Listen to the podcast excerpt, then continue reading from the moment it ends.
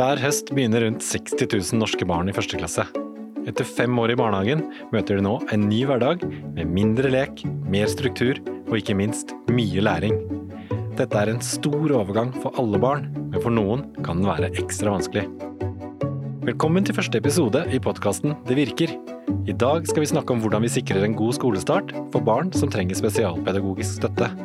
Podkasten er produsert av SpedAims, Senter for spesialpedagogisk forskning og inkludering, og er finansiert av Forskningsrådet.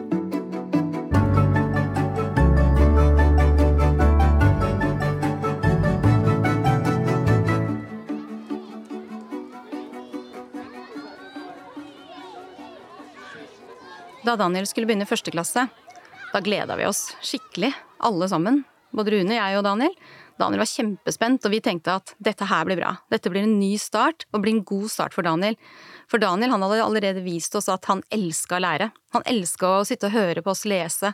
Eh, altså ganske avanserte bøker, tenkte vi. Eh, og han elska fakta. Og han huska alltid alt vi hadde lest, og alt han hadde sett og opplevd. Så vi tenkte at skole, det er der Daniel kommer til å passe inn. Barnehagen hadde ikke vært noe for han, men nå kom han til å finne plassen sin. Og jeg tenkte da, både jeg og Rune så på hverandre og tenkte yes, dette går fint. Det er her det kommer til å snu. Men det ble ikke sånn.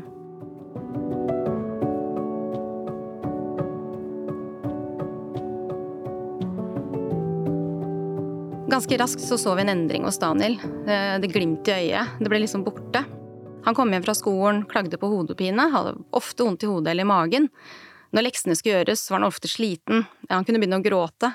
Men han ville gjerne, for han var veldig sånn at han var pliktoppfyllende allerede da.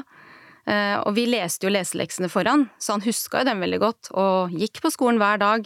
Like liksom, ikke motivert kan man si det om en seksåring, men han, han ville så gjerne klare dette her. Men vi så jo at det skjedde en endring. Vi skjønte at det her måtte vi liksom snakke raskt med læreren om er det noe i veien, er det noe som er galt, liksom. Og vi kjente jo til at lese- og skrivevansker var ganske utbredt i vår familie. Kunne det være det? Eller var det det sosiale som fortsatt var en utfordring? Så vi tok raskt kontakt med læreren hans og tok den første praten om vi bekymrer oss over Daniel. Det er noe vi ikke klarer å sette fingeren på.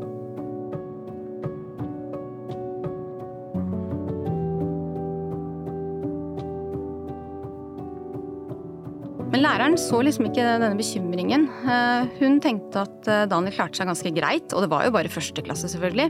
Hun så at han kunne bokstavene, og han kunne lese leseleksa høyt for henne. Han kunne liksom det som hun forventet. Så vi hadde ikke den samme oppfatningen av bekymringen. Og det er kanskje ikke så rart, for dette her er jo barn eksperter på, å liksom på en måte lure oss voksne, skjule det som er vanskelig. Så jeg tok ganske raskt kontakt med PPT i kommunen. Ringte de og sa at jeg må ha hjelp, for jeg bekymrer meg over sønnen min. Og vi har mange vår, i vår familie som har lese- og skrivevansker. Og så forklarte jeg liksom historien fra barnehagen, og hun sa at ja, vi kan i hvert fall komme og gjøre en vurdering og starte med logopedtimer, siden han har strevd med uttale så lenge. Så det ville de gjerne gjøre, da. Så da blei PPT raskt i første klasse kobla på for å jobbe med uttalevanskene til Daniel. Det var det det var fokus på da.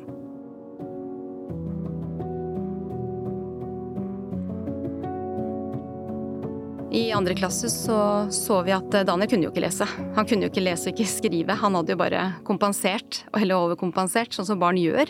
For barn vil jo ikke at vi skal vite at ikke de kan, at ikke de er lik de andre. Men barn veit dette er veldig godt. Så både læreren og vi foreldre så jo at her må vi gjøre mer, og logopeden utreda Daniel ganske raskt. Så i tredje klasse, altså høsten i tredje, så var diagnosen dysleksi på plass. og Lese- og skriveverktøy var også, hadde vi søkt og fått på plass. altså Alt sto klart for at dette her skulle gå bra videre fra tredje. da.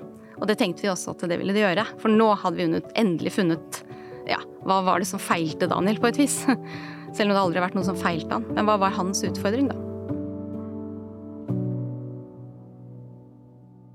Tusen takk til Rita som ville dele historien om sønnen sin Daniel med oss. I studio i dag har vi Odny Solheim, professor i spesialpedagogikk på Nasjonalt senter for leseopplæring og leseforskning ved Universitetet i Stavanger. Velkommen. Tusen takk. Med oss har vi også Julie E. Kolst Jæger. Hun jobber i Oppvekst skole i Bærum kommune, der hun blant annet har ansvar for PP-tjenesten. Velkommen til deg. Tusen takk for det. Denne historien om Daniel som vi akkurat hørte nå, er det en typisk historie? Er det noe dere ofte ser i PP-tjenesten? Ja, dessverre så, så, så, møter vi jo på historier som, som med Daniel. Eh, men dette er jo noe vi er veldig klar over, og som vi jobber veldig aktivt for å forhindre skal skje. Så vi er veldig opptatt av å samarbeide med foreldre og barnehage skole for å styrke kompetansen i forhold til å oppdage hvis det er noen utfordringer barn har som de strever med, sånn at vi kan være tidlig på i forhold til både samarbeid og iverksette nødvendige tiltak. Når PPT har vært inne og gjort en vurdering av et barn og funnet på en måte ut hva det er barnet strever med. Er det sånn at de er ferdig med jobben sin da, eller har de noe ansvar videre da? Nei, da har vi eh, absolutt et ansvar videre. Eh, og mye av det viktige arbeidet foregår jo eh, etter at vi har sammen med de som står rundt barnet, og ikke minst også snakket med barnet og involvert barnet selv, at vi starter samarbeid i forhold til å finne gode tiltak eh, som virker. Og så over til deg, Odny. Du er jo veldig involvert i SpedAims. Eh, du sitter både i styret og du er involvert i forskningen. Er det riktig å si at du, du forsker på lesevansker? Ja, det er riktig å si. Eh, og jeg er spesielt opptatt av hva som kan være effektive og gode tiltak for de som strever med lesevansker. Og da er jeg opptatt både av at de tiltakene skal hjelpe elevene å utvikle bedre lese- og skriveferdigheter, men òg at de tiltakene vi setter i verk skal motivere elevene til å engasjere seg i lese- og skriveaktiviteter. Lesevansker, hva er det? Ja, det er egentlig akkurat det det høres ut som. Det betyr at man strever med å lese og forstå vanlig tekst, rett og slett. Hvor vanlig er det i, i Norge? Er det mange som har det? Hvis man ser for eksempel på på PISA-undersøkelsen, som eh, kartlegger 15-åringer sin leseferdighet, så finner man at ca. 20% av elevene ikke har gode nok leseferdigheter til at de kan ha godt utbytte av videre utdanning og, og klare seg i arbeidslivet. Men det betyr ikke nødvendigvis at alle de har lesevansker. Eh, det kan være ulike grunner til at man, man strever, og, og, den mest kjente formen for lesevansker det er jo kanskje dysleksi. Og der tenker man at det er litt sånn avhengig av hvordan man definerer det, eh, er mellom 3 og 6 prosent kanskje som, eh, som har dysleksi. Og så er det noen som strever med lesing av andre grunner, for eksempel så kan det være språkvansker som gjør at de strever med å forstå det de leser. Så det er en annen gruppe av eh, elever som har, som har lesevansker. Hva er vanlig kjennetegn på lesevansker? Er det noe man må være obs på? Ja, det er noen ting man kan være oppmerksom på, og det er litt ulikt, litt avhengig av hvor elevene er i, i utviklingen. I tidlige faser av leseutviklingen så er det jo kanskje dette med Når man begynner på skolen, så er det jo dette å lære seg bokstavene. Det å lære seg å huske bokstavene, og huske hvilken bokstav som hører sammen med bokst hvilken bokstavlyd, som kan være litt ekstra utfordrende for de som, som har lesevansker. Og etter hvert så kan det være vanskelig å trekke disse lydene sammen til ord, som man driver med i den første leseopplæringen, der man lærer seg bokstavene og hvilken lyd som hører sammen med hver bokstav, og så skal man trekke disse lydene sammen til ord. Og det kan være vanskelig for de som har, eh, eh, har lesevansker. Og etter hvert som de mestrer dette, så fortsetter de kanskje å lese litt seint. Eh, og det vil òg vise seg i staving, at man ikke klarer å skrive ord riktig, eller at man fortsetter å skrive ord lydrett. Hva vet vi om hvordan det går videre i livet med de barna som strever med lesing og skriving tidlig i skoleløpet? Vi vet at mange klarer seg veldig godt og lærer seg å kompensere for de vanskene de har.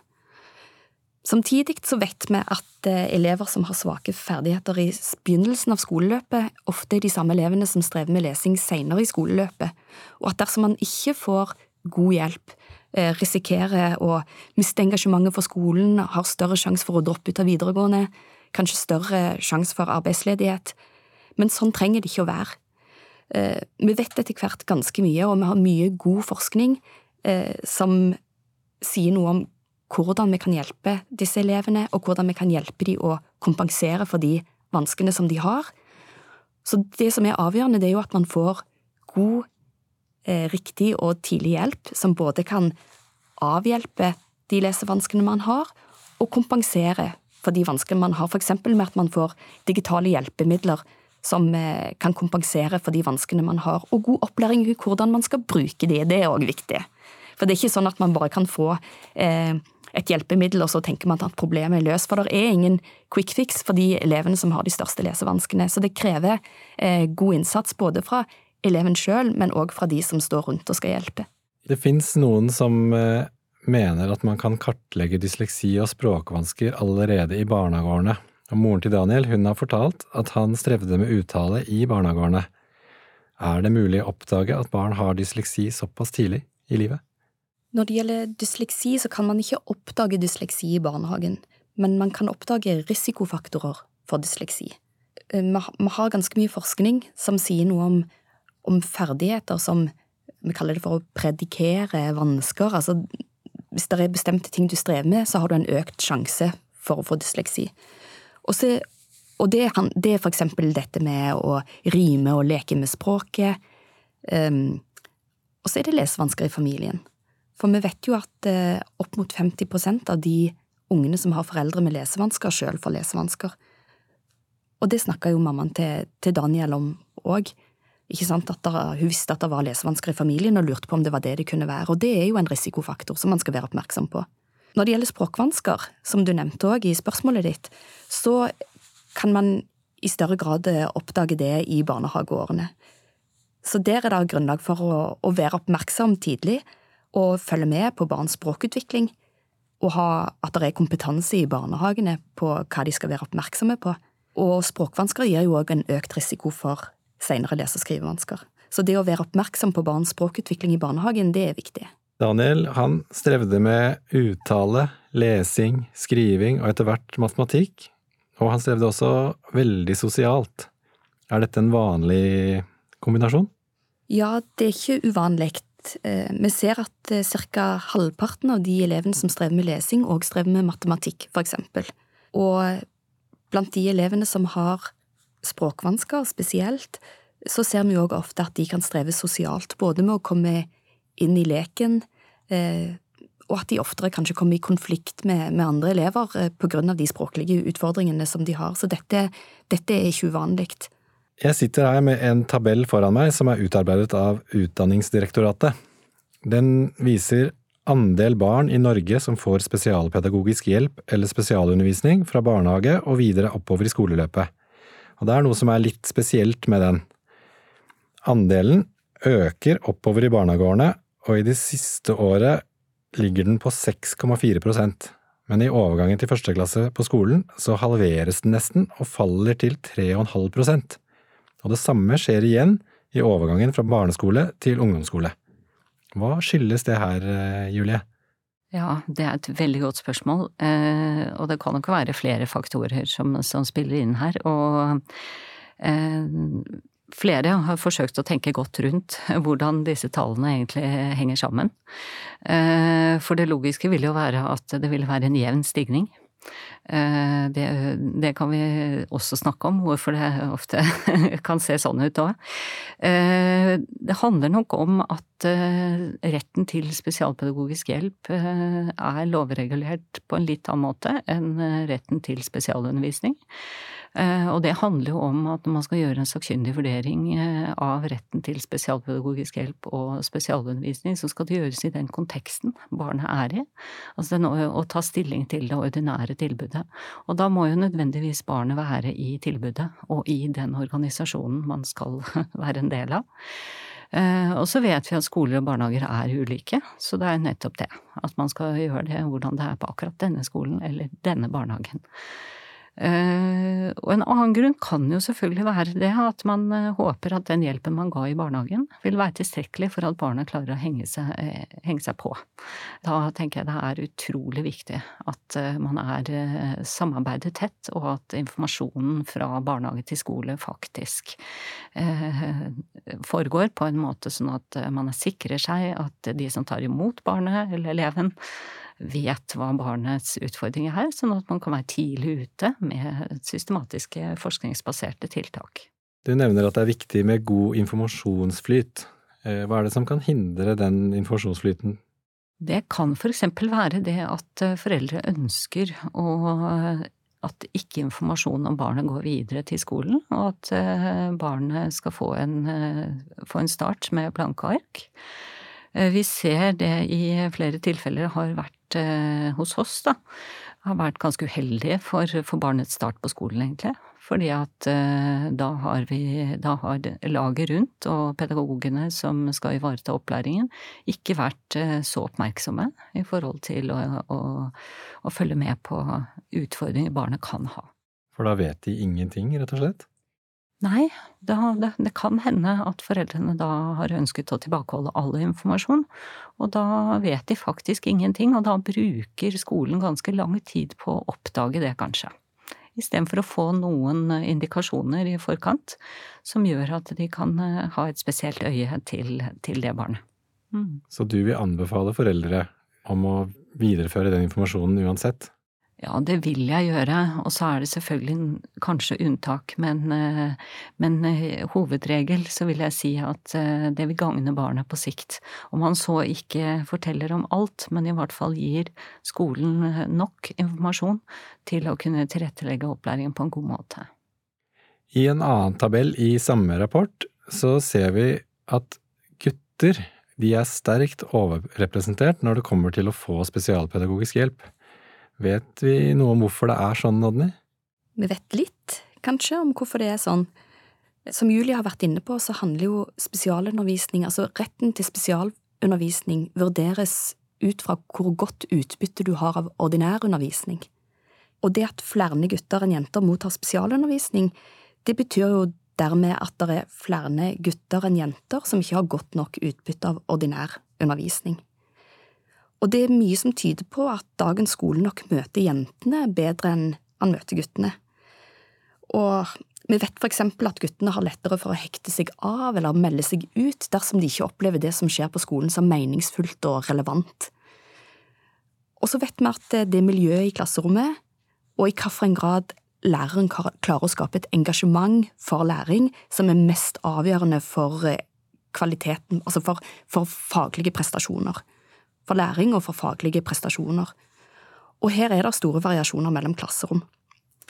Og så er det sånn at gutter de taper mer enn jenter på at kvaliteten er lav.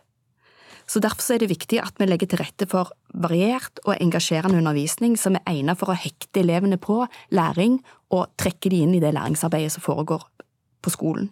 Og det vil guttene profitere på. Du sier at gutter taper mer på at undervisningen er dårlig. Hvorfor er det sånn? Det, det, henger nok litt sammen med det som jeg allerede sa. Altså, vi ser jo at Man kan kanskje si at det, at det er stereotopier, men, men det er, er, jo en grunn til at vi sier at jentene kanskje er litt mer pliktoppfyllende og, og holder ut litt lenger selv om ting er kjedelig. Uh, guttene de eh, melder seg litt fortere av. Ikke guttene generelt, men noen gutter. Uh, og derfor er det sånn at når hvis undervisningen ikke engasjerer de i tilstrekkelig grad, og ikke møter de der de er, så er det litt større sjanse for at de hekter seg av og dermed ikke får tilstrekkelig utbytte av eh, undervisningen.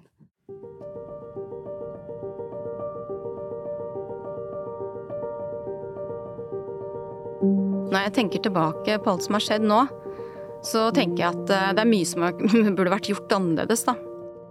I dag er jo Daniel 22 år gammel, og må jo si at han har jo klart seg ekstremt bra, på tross av alle utfordringene han har møtt på sin eh, korte, men ganske lange og, kronglete vei da, hit.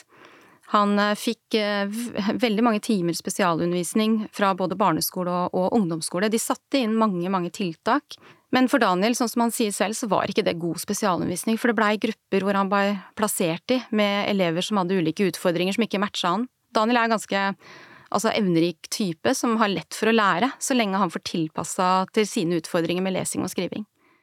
Hvis eh, lærerne der hadde fått den kunnskapen de trengte for å sette i gang de riktige tiltakene hele veien, eh, forhold til Daniels dysleksi, og det at han begynte å streve med matte, og det at han strevde så ekstremt med sosiale, eh, det sosiale klassen, at han var utenfor, så hadde veien blitt helt annerledes.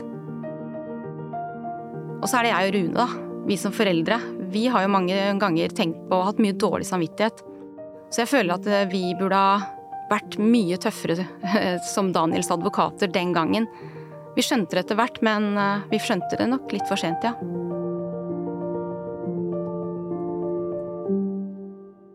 Når du hører Rita fortelle det her, Julie, er det noe du tenker burde vært gjort eh, annerledes? Jeg synes det var veldig, veldig fint at moren til Daniel eh, tok kontakt ved bekymring, for det er en viktig oppgave som man har som foreldre. Eh, så det var veldig, veldig fint og riktig. Eh, og så tenker jeg at vi har en utfordring her som blir beskrevet i forhold til eh, noe manglende systematikk. Samarbeid som, som burde vært tettere på. Og at, at foreldrene til Daniel ble tatt mer på alvor. Og også kanskje, her kommer det ikke fram så mye hva Daniel selv tenker, men, eh, men han, han, gir jo tydelig følelsesmessig uttrykk på, for at eh, han ikke trives så godt. Så jeg tenker at det burde vært eh, tatt på alvor. I en situasjon som Daniel sin, hvem er det som har ansvar for hva, og hva er det man har krav på som foreldre? Ja, eh, som foreldre så har man jo absolutt det ansvaret som moren til Daniel tar, at hun sier fra at hun er bekymret. Så har jo barnehage og skole i den sammenhengen her eh, et stort ansvar i forhold til å ta den bekymringen på alvor. Eh, så har jo vi, eh, som tidligere nevnt, utarbeidet rutiner hos oss i forhold til hvordan man skal jobbe videre godt sammen for å, å ivareta både barn, foreldre og, og, de tiltak som er nødvendige å iverksette. Så, så at man da drøfter, altså den pedagogen som jobber med Daniel, skal drøfte bekymringen med sine kolleger, gjøre rektor kjent med sin bekymring og bekymringen eh, bør drøftes også da tverrfaglig i et ressursteam, dersom eh, ikke tiltak viser den effekt man, man tenker er eh, ønsket, da. Hun eh, sier at hun har dårlig samvittighet. Hun og mannen har dårlig samvittighet, og at de burde vært bedre advokater for Daniel. Hva tenker du om det når du hører det? Mammaen til Daniel skal ikke ha dårlig samvittighet, for mammaen til Daniel har virkelig stått på. Eh, men det er nok eh, en naturlig følelse eh, når man ser tilbake, og, og kanskje både foreldre og, og, skole og de som står rundt, kanskje ikke har forstått alvoret og sett det hele bildet rundt en elevs utvikling. Så er det Vi får prøve å lære av akkurat det. Av historien til Daniel og noen andre historier vi også kjenner til. Som forelder til et barn som strever, kan man stole på at man blir tatt vare på i systemet? Ja, vil jeg eh, si. Man skal absolutt som foreldre ha tillit til at eh, både i barnehagen og skolen at eh, pedagoger og det støttesystemet som står rundt, som for eksempel PP-tjenesten, gjør sitt beste for å hjelpe barnet, eleven, og, og, og, bistå med, med, med, med den hjelpen som eventuelt trengs. Så, og så ser vi at eh, noen foreldre har noen, eh, noen erfaringer som, eh, som, er beklagelige i noen sammenhenger. Men man skal ikke av den grunn gi opp i forhold til å igjen ta kontakt. For det bør ikke være sånn. Nei, fordi Daniels mor hun tok jo selv kontakt med PPT. Er det vanlig at foreldre gjør det? Ja, eh, det er det. Eh, aller helst så ønsker vi at de tar kontakt med barnehage eller skole først. Og det handler jo om at eh, vi sammen skal samarbeide om tiltak rundt barnet. Og da er det veldig godt og viktig at barnehagen og skolen er godt informert om bekymringene i forkant. Men eh, det er absolutt mulig å ta kontakt med PP-tjenesten eh, og konsultere litt og rådføre seg. Og sannsynligvis så vil PP-tjenesten si at eh, da syns jeg at vi skal, at du skal eventuelt ta, ta dette opp med barnehagen eller skolen først, eller at vi sammen kan ta et møte hvor vi kan snakke oss igjennom hva, hva som er utfordringen for barnet ditt. Jeg har lyst til å snakke litt om dette med spesialundervisning. Hva er egentlig det, og hvem har rett til å få det, Julie? De elevene som ikke får et tilfredsstillende utbytte, eh, har rett til å få spesialundervisning. Og dette, dette begrepet tilfredsstillende utbytte er jo en vurderingssak.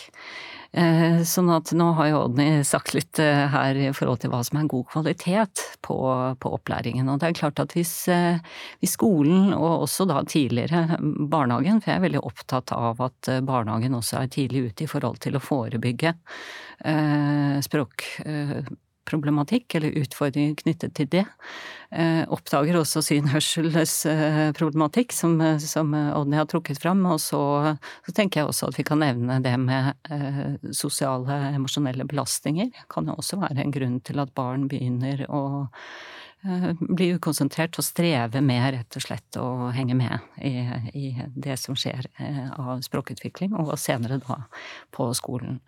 Så, så, det handler jo om det å ha en god kvalitet på ordinær opplæring. Eh, og så kommer da brekkpunktet i forhold til om eleven får tilfredsstillende utbytte. Som vi da må gjøre en vurdering av. Og det er det PPT som gjør? Det er det i første omgang så er det jo skolen som gjør det, eller barnehagen, fordi at de oppdager en bekymring eh, knyttet til elevens progresjon. Og, og, hos oss og i veldig mange andre kommuner så har vi jo eh, type rutiner som vi eh, som ivaretar hva som skal skje og hvem som skal gjøre hva når man blir bekymret for et barn. Hos oss er det sånn at skolen da iverksetter eh, tiltak, først eh, på, i sin klasse på sitt trinn og drøfter dette internt på skolen. Eh, og så er det også, så drøfter man det eventuelt med PP-rådgiver i et ressursteam og hvor helsesykepleier også er til stede. Så vi er opptatt av å få, få, flere blikk da, i forhold til en eventuell bekymring knyttet til en elev. Og da er selvfølgelig også foreldrene godt involvert eh, når vi har kommet dit. Daniel han har fått mye spesialundervisning gjennom skolegangen, og han opplevde ikke at den var god nok. Og denne podkasten her, den heter jo Det virker. Så hva er det vi vet at virker, hva er det som er god spesialundervisning, Odny? God spesialundervisning den er for det første forskningsbasert. Altså den bygger på solid forskning som kan si noe om hva elevene strever med, og, og, hva, og som kan vise til dokumentert effekt av de tiltakene som, som man setter inn. Og så er god spesialundervisning som regel gitt av en kvalifisert pedagog.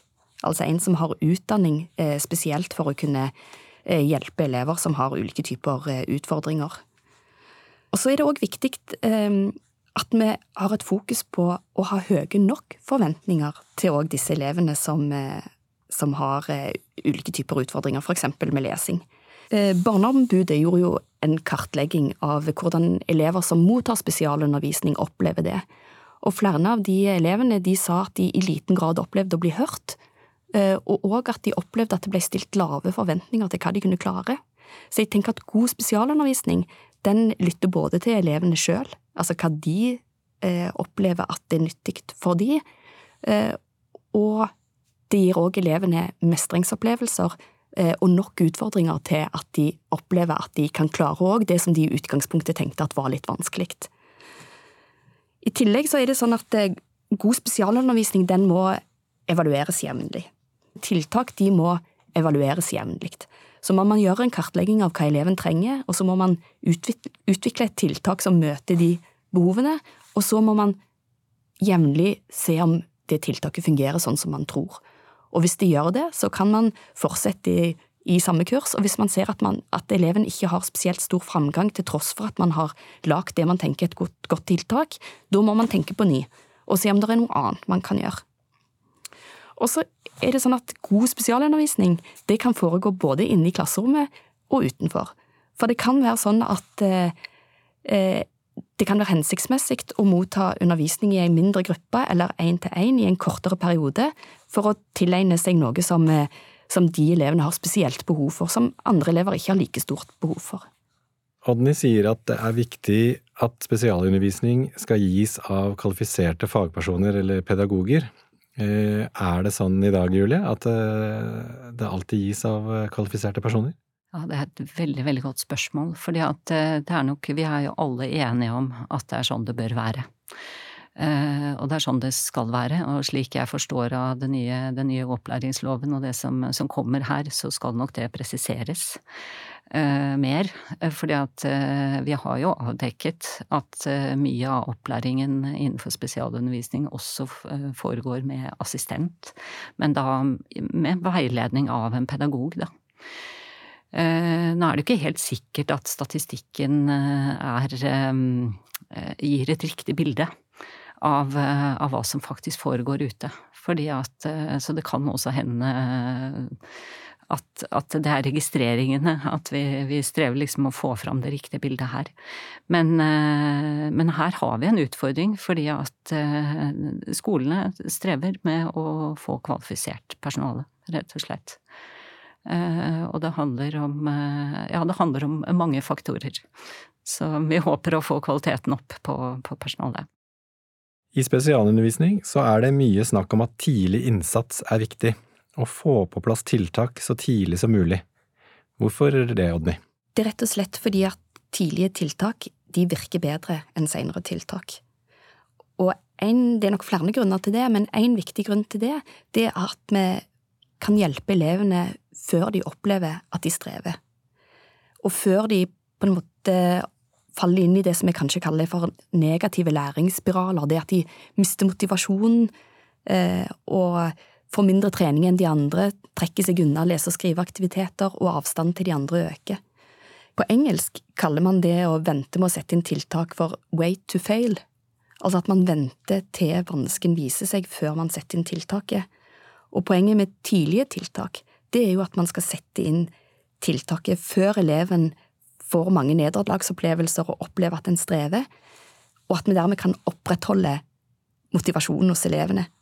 Sånn at det å gi tidlige tiltak, det handler egentlig om å trekke elevene inn i det faglige og sosiale fellesskapet på skolen på et tidlig tidspunkt, sånn at de kjenner at de er en del av det faglige fellesskapet og føler tilhørighet til skolen, at det er en plass for de òg. Og hvis du tenker tilbake igjen på det som mora til Daniel sa, så sa jo hun at hun ganske raskt opplevde en endring i Daniel når han begynte på skolen.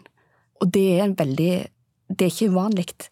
Eh, elevene opplever og oppdager ganske tidlig at de strever med noe som de andre ikke gjør, og begynner å trekke seg unna. Eh, har ikke så lyst til å holde på med lesing. Og med det så øker Altså, så får de mindre trening enn de andre, når de egentlig trenger mer. For sånn er det jo, at de elevene som har lesevansker, de trenger ofte å øve mer og jobbe hardere enn de andre elevene. Helt til slutt så vil jeg gjerne spørre dere. Eh, tittelen på denne episoden er jo et spørsmål. Hvordan sikrer vi en god skolestart for barn med spesialpedagogiske behov? Har du noen eh, oppsummerende tanker der, eh, Julie? Ja, jeg tenker eh, Det aller første jeg tenker på, det er at den ordinære undervisningen eller opplæringen skal ha en veldig god kvalitet. Og her har jo Odny sagt en god del om hva vi, hva vi vet er god undervisning. Eh, så, så, at det er på plass, det er ganske nødvendig. Og så er det jo denne informasjonsflyten som jeg har eh, sagt noe om tidligere, i forhold til eh, hvis det er noen sårbarheter et barn har, så er det viktig at skolen er klar over det og kan være litt følge litt med. Og samarbeid, at det kommer på plass tidlig, at man har en plan og mål for samarbeidet. Og eh, her ser vi også at eh, dersom et barn eh, er allerede i får hjelp fra andre hjelpeinstanser, at de også blir koblet på og følger godt med. Sånn at hele laget rundt barnet får være med i denne overgangen. Hva med barna da, er det noe vi kan forberede dem på? Ja, det er det så absolutt. Det er så viktig å snakke med barnet og forberede barnet godt på, på, overgangen til skole. Og de aller fleste barnehager og skoler har gode rutiner for dette. Eh, hvor de snakker om dette i samlingsstund i barnehagen, at de får nærme seg skole. Eh, skolefaglige eh, temaer eh, i samlingsstund, og også få komme på besøk til ny skole. Og her kan jo også foreldrene være veldig viktige bidragsytere i forhold til å ta med barnet i ny skolegård, se på ny bygning. Ja.